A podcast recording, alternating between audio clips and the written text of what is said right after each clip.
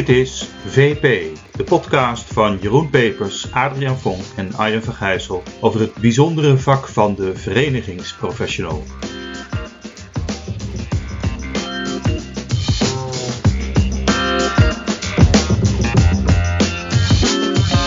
Beste luisteraars, hartelijk welkom weer uh, bij een nieuwe podcast. De eerste in onze jaargang 2022. Jongens, we moeten er wel even bij stil blijven staan. Hè? 2022, begin van een nieuwe jaargang, nieuw seizoen. Hoe zit het met jullie goede voornemens, mannen? Nou, heel goed. Wat, het wordt een fantastisch jaar, denk ik.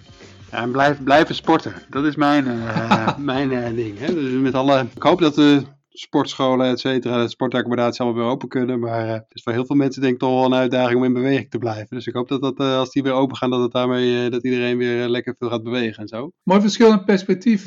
want. Ik hoop zo erg dat, dat de restaurants weer open gaan en dat, dat ja, gewoon heerlijk uit eten kan. Ja, maar daarvoor moet je ook af en toe die kilootjes er weer afhalen, toch? Ja. Maar, kijk, jullie, jullie spreken dat uit als hoop en verwachting. Maar bij ons in de achterhoek, waar ik dus vandaan kom, daar zijn ze al gewoon begonnen. Hè? Ze gooien zaterdag alles open, wat het kabinet ook besluit. En de burgemeesters zeggen dat ze niet gaan handhaven. Dus het is, uh, bij ons is het eigenlijk al gefixt. Maar dat is, ook, uh, dat is ook niet zo gek natuurlijk, hè? Wat? Halve meter, die zit er bij jullie al uh, automatisch in. dus, uh, Je komt nooit iemand tegen daar. nou, vijf en een halve meter daar. nou jongens, volgens mij gaan wij weer voor een puik podcast seizoen met interessante gasten en mooie thema's. We hebben er vandaag ook eentje, daar komen we zo op. Maar laten we eerst maar eens naar onze eerste rubriek gaan, de verwondering. Ja. Uh, eerst eens even, we sloten vorig jaar af met onder andere de verzuchting: geef ons nu eindelijk eens een regeerakkoord, want we willen aan de slag. Nou, dat hebben we voor elkaar gekregen. Hè? Ja. Er wordt goed geluisterd naar onze podcast. De, uh, wat zijn de punten die jullie opvielen in dat regeerakkoord? Nou, ik, wat, wat mij opviel was uh, dat meestal heb je eerst het zuur en dan het zoet. Maar het lijkt wel alsof het nu eerst zoet is en dan zuur, of, of alleen maar zoet, want er wordt enorm geïnvesteerd. Ja. in ieder geval veel geld vrijgemaakt. Dus het is denk ik voor het, ja, de maatschappij, alle bedrijven, maatschappelijk middenveld, wordt het de grote vraag: uh, hoe kunnen we dat op een goede manier uh, gebruiken en versnellen om ook, uh, om ook bij te dragen. Dus dat biedt, biedt denk ik financieel heel veel kansen. Dus daar ben ik wel blij mee. En, en ja, het zijn daarnaast natuurlijk veel ministers. Dat, dat valt dan ook op. Ja. op. Dus ja. uh, dat uh, ben ik ook wel benieuwd wat zij gaan doen met, uh, met branches, met verenigingen. Dus, dus, ja, dat, is, dat zijn vooral vragen. Ja, voor mij, kijk, wij zijn natuurlijk alle drie actief op de woningmarkt. Daar is wel echt iets heel, heel bijzonders gebeurd. Hè? Dus de jarenlange strijd die we hebben gevoerd tegen afschaffing van de, of voor afschaffing van de verhuurdersheffing, nou, die heeft dan nu geleid tot een supermooi resultaat. Hè? Waardoor in ieder geval de corporaties weer veel meer armslag krijgen om ja, woningen te bouwen en woningen te verduurzamen. Dus dat is wel. Uh... Is, het, uh, is het ook een regeerakkoord nieuwe stijl? Dat het op een andere leest is geschoeid dan eerder? Volgens mij niet, nee. Gewoon vrij klassiek, hè? En misschien zelfs nog wel klassieker dan uh, klassiek. Want de, de, ze hadden beloofd op een paar A4'tjes en dan zou het helemaal uitgewerkt worden. Ja. In, in overleg met het veld, maar dat is natuurlijk helemaal niet zo. Ja, dat wordt wel her en der wat genoemd over overleg, maar het is toch voornamelijk achter de komma. Hè? Ja, ja wat, het enige wat, uh, wat iets minder klassiek is, maar hartstikke positief, is natuurlijk de man-vrouw verdeling uh, van de ministers, uh, van de ministerposten. Ja, daar hoorde ik een hele interessante theorie over. Uh, dat was uh, Francisco van Jolen. Die zei: uh, op, er zaten veel vrouwen in het kabinet omdat het een heel penibele situatie was. En als het een penibele situatie is, dan, zet, dan schuiven ze altijd vrouwen naar voren. Zo. Kijk. Nou, ik nou, hoop dat jij dat dan kan uitleggen. Bijzonder, deze, deze opvatting. Oké, okay, nou. nou ja, het is wel originele gedachte, maar volgens mij klopt het niet. Klopt het niet. Maar goed, je ziet dan ook onmiddellijk dat brancheverenigingen een beetje in de felicitatiemodus gaan. Hè? Jeroen, jij had een leuke, leuke observatie hè, over Hugo de Jonge, hoe die verwelkomd werd. Directeur van een Katwijkse bouwmaatschappij die een soort werkschoenen voor gewoon minister Hugo de Jonge had ontworpen. Dus het is een werkschoen, zo'n klassieke zwarte werkschoen. uh, waar dan veel kleurig, een beetje zo de binnenkant van de Rotterdamse markthal, een, een pret op staat. En uh, daar staat dan ook de tekst bij. We hopen dat je de woningbouw een flinke booster geeft. Een booster, oh ja. Een ja, booster, ja. Dus dat, dat vind ik echt uh, nou, heel leuk verzonnen. De timing was perfect. Er werd ook gezegd van die ministers die willen in de eerste dagen eigenlijk altijd uh, eventjes hun dossiertjes lezen en wat kennis maken met, uh, met, de eigen, met het eigen gigantische departement, hè, waar, waar dan honderden mensen werken. Uh, dus met werkbezoeken hoef je niet aan te komen. Maar die, die Hugo de Jonge die was meteen al met ons op, de, op pad, hè?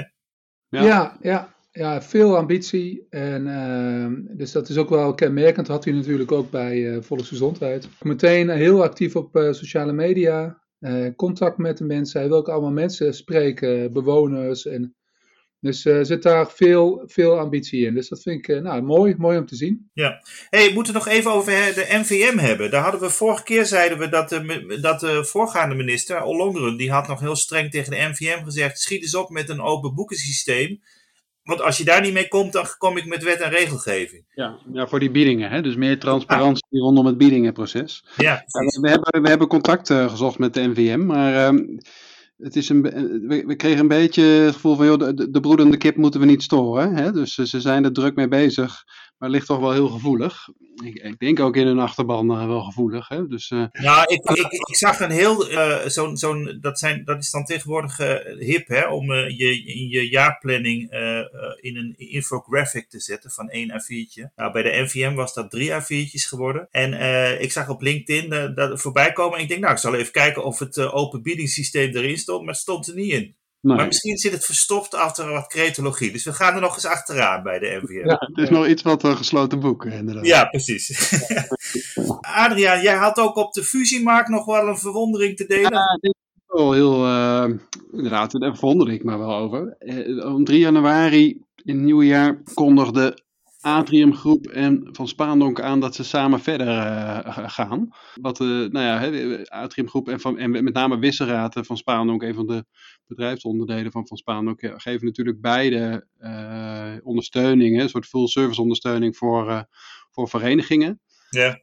Dus verenigingen die eigenlijk net iets te klein zijn om zelf mensen in dienst te nemen, maar te, groot om het eigenlijk allemaal met vrijwilligers te doen. Ja, die hebben in dat soort partijen ook uh, nou, een hele mooie uh, dienst, waarmee nou, eigenlijk al het professionele werk, de, de, de werkorganisatie, wordt gerund door, nou, door, door een atriumgroep en door van Spaandonk, Witseraad van Spaandonk. Dus ze zitten heel erg met elkaar op hetzelfde terrein. En, en ja, zijn in de verenigingland natuurlijk beide gewoon hele bekende partijen. Uh, hebben heel veel verstand en expertise op lobbygebied, maar ook op uh, nou ja, het ontwikkelen van, uh, van branches. Maar waar zit jouw verwondering dan in? Want als ze dus. Uh... Ja, dat waren, natuurlijk een soort con-collega's. Hè? Dus ja, Dat, dat dan, ik ben eerlijk gezegd wel benieuwd. Ziggo en Vodafone zijn samengegaan, maar er, zit toch een hele achtige, hele, hele ja, boeiende dynamiek achter, denk die, die ik nog niet ken.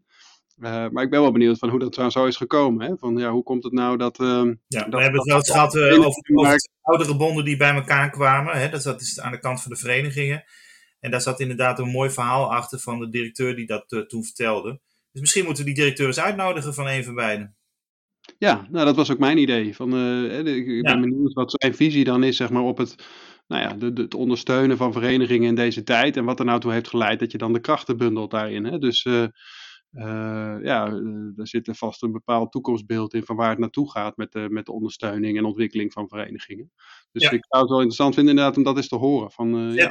Zetten we op het lijstje. Ja. Hey, jongens, we gaan naar het thema van de maand. Ja, dat hadden we eigenlijk ook vorige keer aangekondigd, hè, dat we uh, met iemand zouden spreken die de DNA, dus de Nederlandse Associatieprijs van het jaar, had, gewonnen. En dit keer won uh, het Nederlands Huisartsengenootschap, de NHG. Dat is volgens mij een beetje ja, de wetenschappelijke broertje van de LHV, die we natuurlijk al eens een keer langs hebben gehad. Hè, met uh, Paul van Rooij een keer een podcast gedaan. Nou lees ik even voor, dan ben ik wel benieuwd hoe jullie daarop reageren. Even uit het juryrapport. Dat ze eigenlijk een beetje binnen de vereniging, wel de leden dat eigenlijk in eerste instantie helemaal niet zo op zaten te wachten. Of zich ook echt afvroegen van moeten we daar nou geld in gaan steken. En ze hebben toch het voortouw durven nemen. En daar hebben wij het natuurlijk zelf ook wel eens over gehad, uh, Adriaan, ook in ons boek. Hè, van dat je als vereniging niet alleen maar moet, eh, zeg maar, u wil, u wil geschieden. Dat, dat wij doen wat de leden willen. Ja. Dat je soms ook een beetje het voortouw neemt en een soort perspectief geeft. Hè. Ja, dat klopt. In dat boek halen we dat ook aan. We hadden het net even kort over NPM. Maar dat, die, die hebben ooit Funda opgericht met elkaar. Maar in een, in een, in een tijd, uh, zeg maar, dat veel makelaars zoiets hadden van ja, maar internetmakelaardij en, en internet moeten we eigenlijk tegenhouden.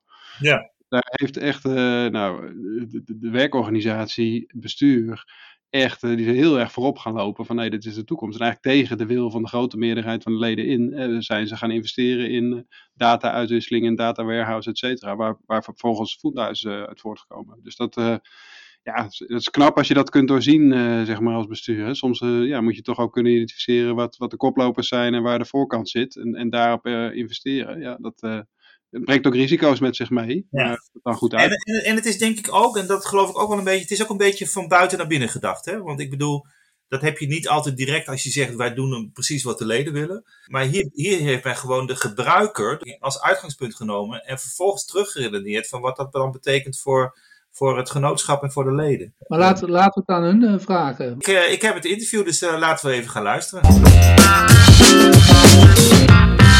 Goedendag luisteraars, ik spreek vandaag met Swanet Wolthuis van het Nederlands Huisartsengenootschap en wel om een bijzondere aanleiding en dat is dat jij een prijs hebt gewonnen, Swanet. Ja, dat klopt inderdaad, de DNA Award. Fantastisch, ik heb het juryrapport ook gelezen.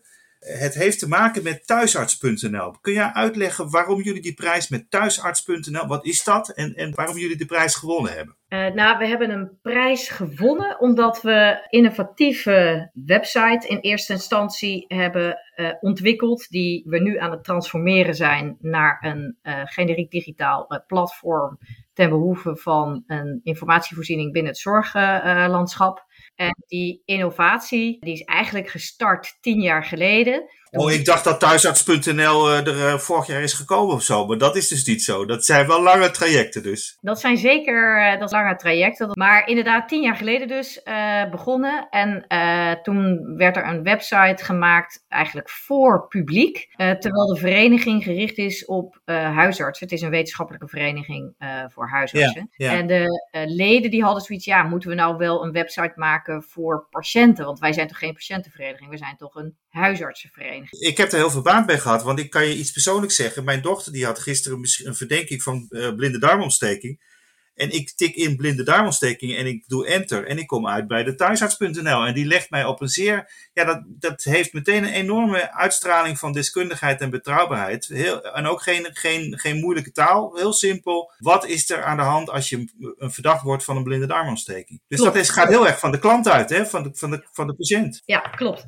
Nee, de uh, gebruiker zeg maar, staat echt centraal. En ook de, de zoektocht en uh, ook het zorgpad wat die gebruiker uh, doorloopt in feite, ja. dat wordt gevolgd. Dus we beschrijven ook de situaties. Dus bijvoorbeeld, wat is een blinde darm direct? Hè? Ja, dat beschrijven we ook wel. Maar we, je begint in feite met, ik heb buikpijn. Ik heb pijn, ja, precies. En dan, en dan ga je zo op die manier door. Dus je probeert echt je te verplaatsen, zeg maar, in iemand die een probleem heeft. En op welke manier diegene dan aan het zoeken is. En dan loodsen we je in feite vanuit de onderdelen van problemen die je zelf nog kunt oplossen. Dus we helpen je hè, gezondheidsvaardigheden in feite te vergroten door je beter te informeren inderdaad op, eh, op een niveau, B1-niveau noemen we dat dan, die ongeveer 80% van de Nederlanders wel begrijpt. Ja, dat is het niveau van uh, Coolblue. Hè? Als je een televisie koopt, word je ook zo benaderd. Het is een heel eenvoudig, uh, begrijpelijk Nederlands. Ja. Ja, ja, klopt, klopt. En dat is gewoon heel effectief. En dat, dat doen we dan inderdaad uh, ook op, op het niveau van de eerste lijn, dus de huisartsenzorg. En we hebben sinds 2016 ook steeds meer medisch specialistische informatie, hè, die je tegenkomt in de tweede lijn, toegevoegd. Ja op thuisarts.nl. Oké, dus als je bijvoorbeeld voorbij de huisarts bent met, eh, met eventueel een verdenking van bijvoorbeeld uh, blinde darmontsteking, dan wordt er ook verteld wat je in het ziekenhuis mogelijk uh, het vervolgtraject zou kunnen zijn. Ja, de bedoeling is, daar zijn we nu nog niet, maar de bedoeling is om alle informatie die geschreven is in richtlijnen, dus waar professionals mee werken in de huisartsengeneeskunde en ook in de uh, medisch specialistenzorg,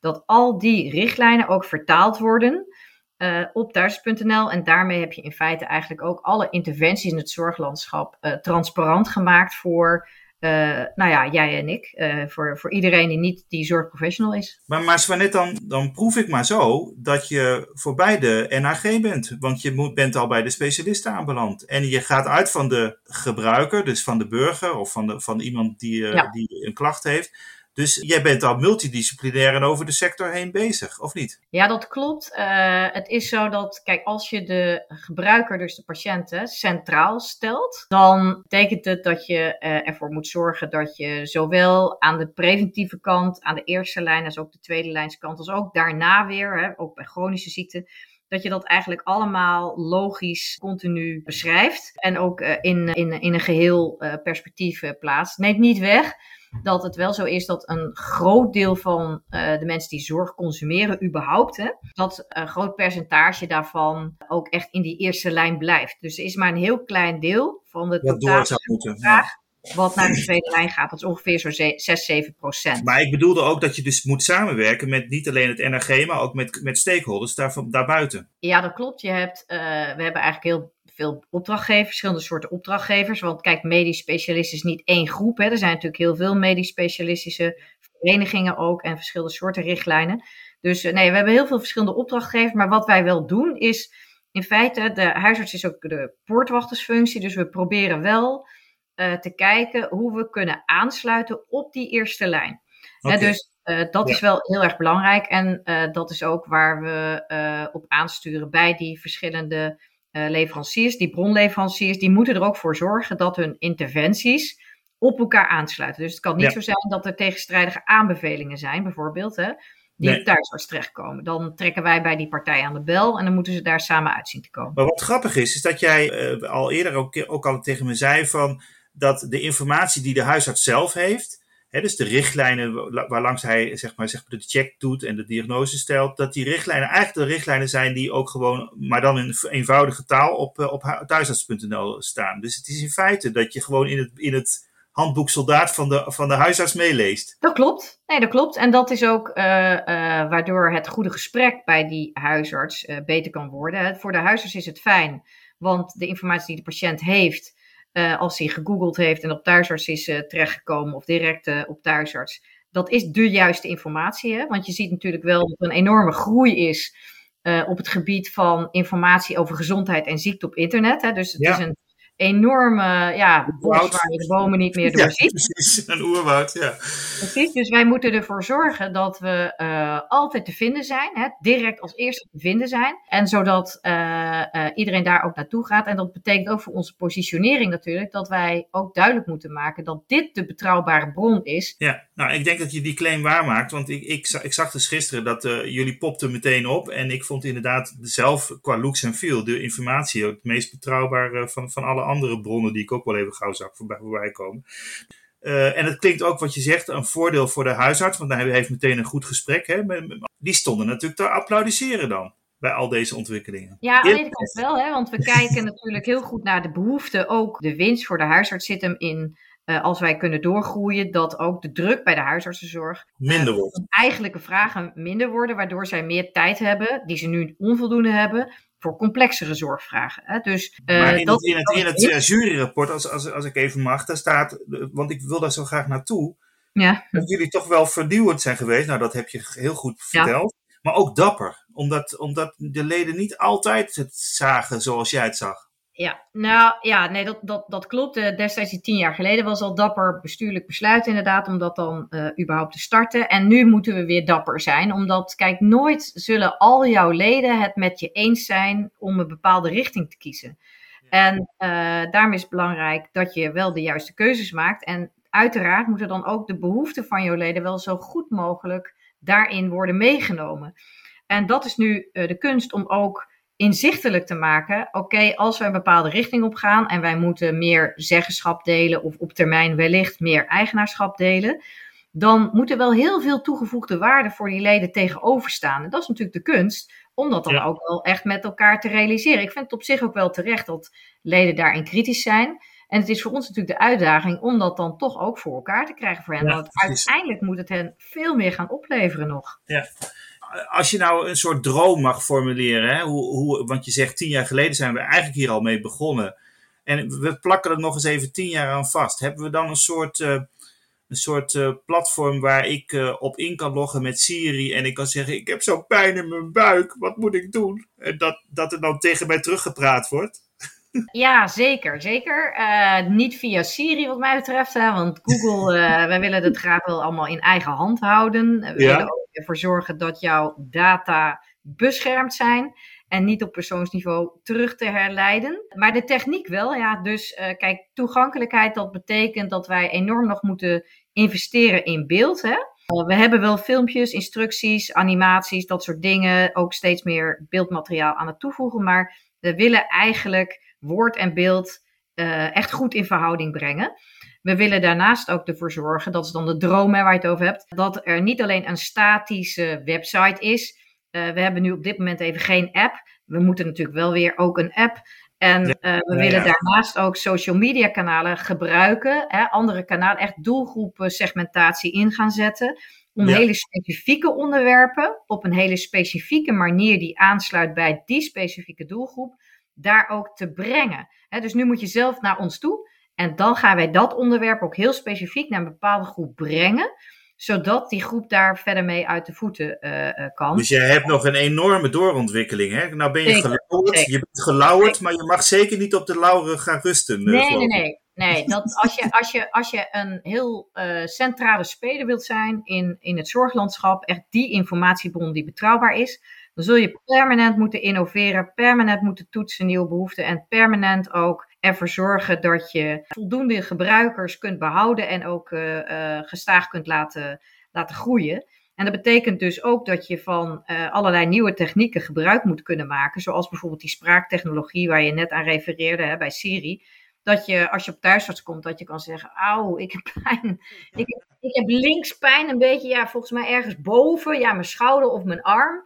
Nou, en dat dan hè, met uh, AI-technologie uiteindelijk gevonden kan worden wat dat dan is, welk gebied. En dat je op die manier steeds beter uh, dat klinkt fantastisch. Het klinkt echt fantastisch. Maar is dat nou... Dat is een droom, hè? Dat is nog ja, dat is mijn droom. Maar, en, en, en ook deels die van jou, merk ik. Maar vertel eens, als dat zo die kant op gaat, hè, zou het dan zelfs kunnen dat je kan zeggen dat het zelfs een maatje groter wordt dan, het, dan de NAG zelf. Want je doet het nu heel erg vanuit NAG, maar is dat dan, is dat dan nog wel te, als model nog wel te doen binnen zo'n branchevereniging? Nou, kijk, het gaat om hele andere dingen. En je hebt dan eigenlijk meer over een, een vereniging, wetenschappelijke vereniging voor huisartsen, maar dit, dit, dit onderdeel, dat is dan een generieke digitale informatievoorziening. Dat is in feite eigenlijk meer een soort medische uh, media organisatie in feite ja. om ervoor te zorgen dat je die betrouwbare informatie maakt. Dus dan heb je een heel ander soort van uh, model uh, wat je nodig hebt. En uh, ja, dat, dat kan zowel de binnen als de buiten. dat hangt heel erg af van je financiers, de voorwaarden. Uh, waar, wat je in ieder geval voor elkaar moet krijgen, is dat je voldoende ruimte hebt om uh, met voldoende kapitaal ook blijvend te kunnen te groeien. Ja, en dat betekent dus, je bent daar dus eigenlijk nog niet over uit, zeg je, hè, binnen of buiten, maar dat, dat, dat, dat, dat, dat, dat vraagstuk neem je natuurlijk gewoon mee naar, ja, zeker, met de ontwikkeling. Ja. A, ga ik er niet over. En uh, B, het belangrijkste is ervoor zorgen met z'n allen dat we dit goed voor elkaar krijgen. Precies. En dat de handen daar ook voor op elkaar komen. En uh, ja, dat vraagt natuurlijk wel de nodige procesbegeleiding en begeleiding in dynamiek. Dat kun je je iets ja, bij voorstellen. En, en, doe je dat alleen, Zwanet, of doe je dat met een heel team? Nee, nee, nee. nee. We hebben, kijk, het allerbelangrijkste is natuurlijk uh, de redactie. Uh, de mensen die uh, het werk maken, de inhoud, content maken. Ja. Uh, heel belangrijk is ook het strategieteam. Die zijn heel belangrijk. En wat ook heel erg belangrijk is, is content natuurlijk. Hè, de samenwerkingspartners die samen de content maken. En partner OneShoe. Uh, en uh, zij uh, zorgen in feite voor de technische kant hè, van de website, ook voor de security. Ja, dat moet je dan of zelf gaan doen hè, als je doorontwikkelt. Komt er ook even bij. Dus een enorm stakeholder management en, en demand management. Hè? Dus ja, gewoon klopt. aansturing Ja, van klopt. opdrachtnemer. Ja, god. Ja. Ja. Uh, maar dat is natuurlijk superleuk, want uh, uh, ja, je, je weet nog niet precies waar je uitkomt. Hè? Dus in het afgelopen jaar is er eigenlijk heel veel gebeurd, wat we van tevoren ook niet allemaal konden bedenken. Kijk, in grote lijnen heb je dan wel een soort concept of een droom, hè, waar we het net al even over hadden. En dan weet je niet precies hoe je, hoe je daar komt, maar je werkt wel aan die stip aan de horizon samen. En dan, uh, dan, heb, je, ja, dan heb je soms uh, teleurstellingen ook, hè, maar je hebt ook van die momenten dat je bijvoorbeeld zo'n DNA-award wint. Nou ja, en dan is iedereen natuurlijk ook weer super blij en leuk. En ja, dus, dus we werken met een heel enthousiaste club mensen samen. Erg leuk om hier wat meer van te weten. Er gaat dus achter deze prijs een enorme wereldschuil en daar heb ik heel veel bewondering voor. Ik wil je heel hartelijk danken voor dit interview en nou, volgens mij ga je nog wel een keer een prijs hiermee winnen. Daar gaan we voor in ieder geval. Ja, zeker. Dankjewel. Goed, Mannen, mooi verhaal. Ja, leuk om te horen. Ja, er komt veel van terug wat we net in het voorgesprekje be behandelden. Dan moeten wij meteen door naar de blijde verwachting, hè? onze laatste rubriek alweer. Waar kijken we naar uit? Waar ik naar uitkijk? Nou, ik, uh, een nieuw jaar begint natuurlijk, even is begonnen.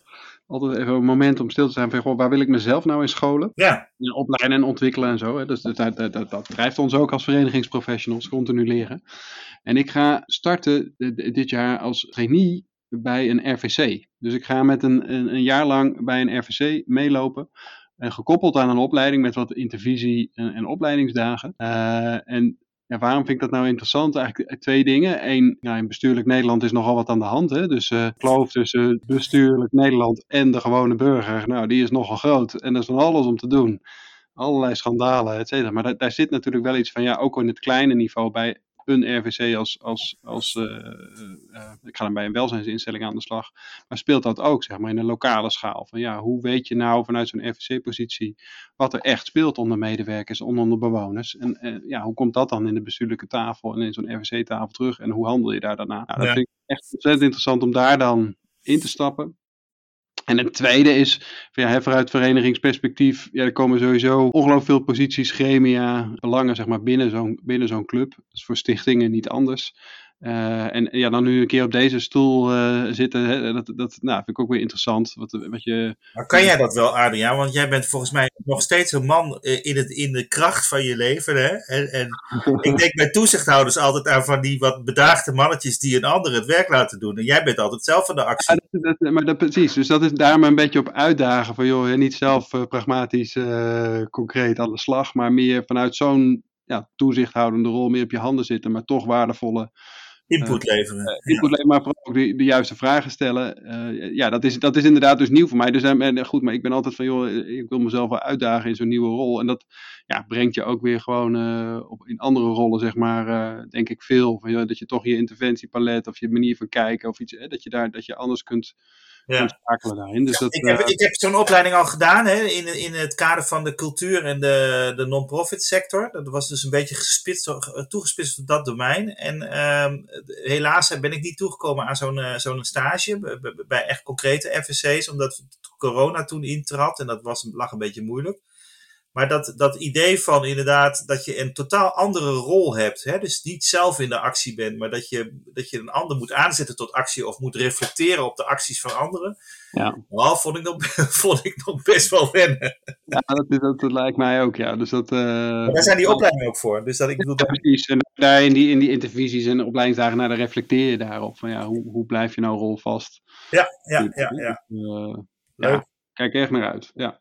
Jeroen. Ja, waar kijk ik naar uit? Eigenlijk uh, naar, uh, naar twee dingen. Als eerste heb ik contact gehad met uh, de nieuwe directeur van, van DNA, de Nederlandse Associatie. En zij hebben in ieder geval toegezegd, mondeling, dat zij onze podcast ook gaan verspreiden via hun nieuwsbrief. Dus ik kijk vooral uit naar heel veel nieuwe luisteraars. Misschien gaan we dan eigenlijk ook reactie. Moeten we toch nog even behandelen. Eindelijk ook een reactie krijgen op onze prijsvraag die we elke keer uitdoen. En waar gewoon geen reacties op komen. Nou ja, mensen ik, ik ben gewoon positief erover. Mensen hebben boek al Dus uh, dat, dat is het. Dat is het. En uh, tweede, tweede waar ik naar uitkijk, we hebben natuurlijk een jaar gehad, uh, nou natuurlijk raar anderhalf jaar gehad met corona en heel veel verkramping, maar ook een jaar gehad met de verkramping in de politiek. Ik kijk echt wel uit naar een ministerploeg die weer met, met de samenleving, met het maatschappelijk middenveld toch ook, hè, zeker deze kleuring van dit kabinet, weer volop aan de bak gaat om de maatschappelijke problemen op te lossen. hoop ook echt dat het corona wat naar de achtergrond verdwijnt. Het, zal, het zal blijven, maar niet zo dominant wordt. En weer echt gewoon ook andere crisis die er ook zijn kunnen gaan oplossen. En ja, daar ben ik toch wel positief over. Volgens mij zit iedereen te popelen om dat te doen. Ook de ministers, uh, denk ik. En dat, uh, nou, dat, ik hoop dat dat uh, allemaal gaat lukken. En dan gaan we in ieder geval de komende maanden gaan we dat al merken hoe vliegend, vliegend de start gaat worden. Ja, ja ik denk dat, ik denk dat, dat daar ook wel wat gewoon nieuwe thema's uit naar voren komen. Hè? Dus stel nou dat je straks aan het eind 2022 terugkijkt op dit jaar welke thema's je dan zou kunnen doen. Daar heb ik een beetje op zitten nadenken. Hè, als het gaat om waar kijk ik naar uit. Maar ik denk dat het debat bijvoorbeeld tussen uh, centrale regie of centraal en regie versus decentraal, hè, decentrale uitvoering. dat dat wel echt een thema gaat worden dit jaar. Want dat zie je in heel veel sectoren. Dat hebben we al eens eerder bij de kop gehad. Maar je ziet dat bijvoorbeeld in de zorg. Hè, dat is nu ook post-corona, dat men echt moet gaan kijken van hoe, hoe uh, gaan we de zorg anders organiseren. Hebben we natuurlijk al eens eerder in een podcast ook met de NVZ over gehad. Uh, maar dat speelt ook bij onszelf, hè, in het wonen en in het bouwen speelt dat denk ik ook. Dus dat zijn wel denk ik, dat is denk ik wel een thema. En het andere is denk ik, is dat we onmiddellijk weer gaan aanlopen tegen allerlei regeltjes en, en toezichtkolommen. En uh, het feit dat inderdaad de problemen vaak over de sectoren heen lopen en dat, de,